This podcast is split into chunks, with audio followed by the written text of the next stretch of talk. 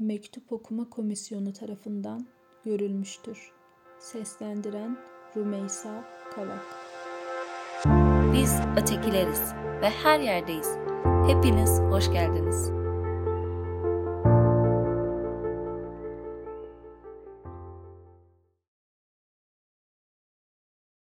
Sayın Vekilim, ben Şerife Sulukan. Daha önce size Twitter'dan yazmıştım. %89 bakıma muhtaç raporum var. Adli tıp en son R tipi cezaevi uygundur raporu vermişti. Şu an Menemen R tipi kapalı cezaevindeyim. Vekilim, ilk hasta olduğumda yaklaşık 19 ay önce bu raporu Yargıtay'a gönderdim ki dosya oradaydı. Belki eşim gelir, bakıma ihtiyacım var diye. Ama aksine onandı ve beni de aldılar.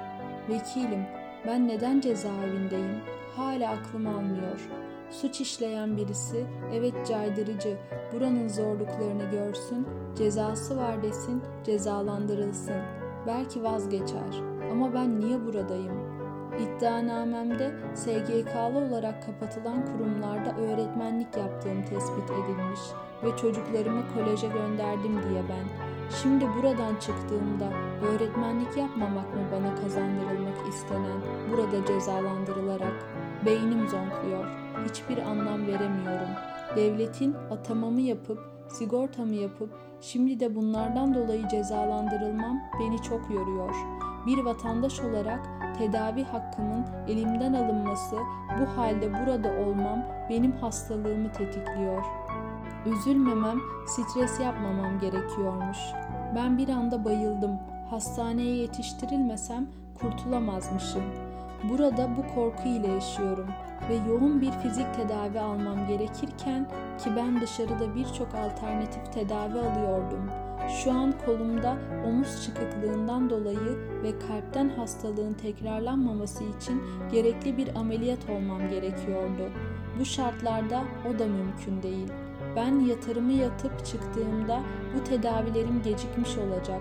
Benim yaşım genç ve iki çocuğum var. İyileşemezsem bunun hesabını kim verecek? Burada şu an geleli 10 gün oldu. Herhangi bir fizik tedavi alamadım. Alsam da ne kadar yeterli olacak?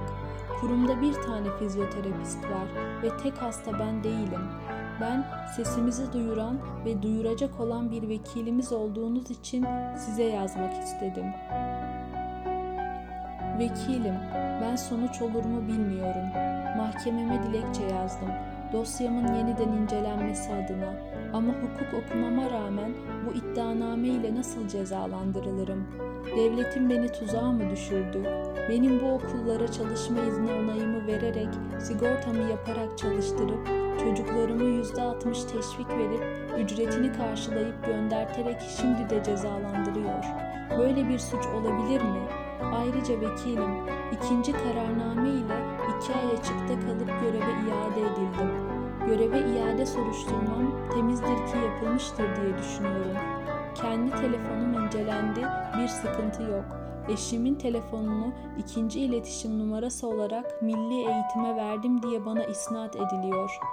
Eşim kendine ait olduğunu söylüyor. Buna rağmen herhangi bir HTS kaydı veya içerik gelmedi.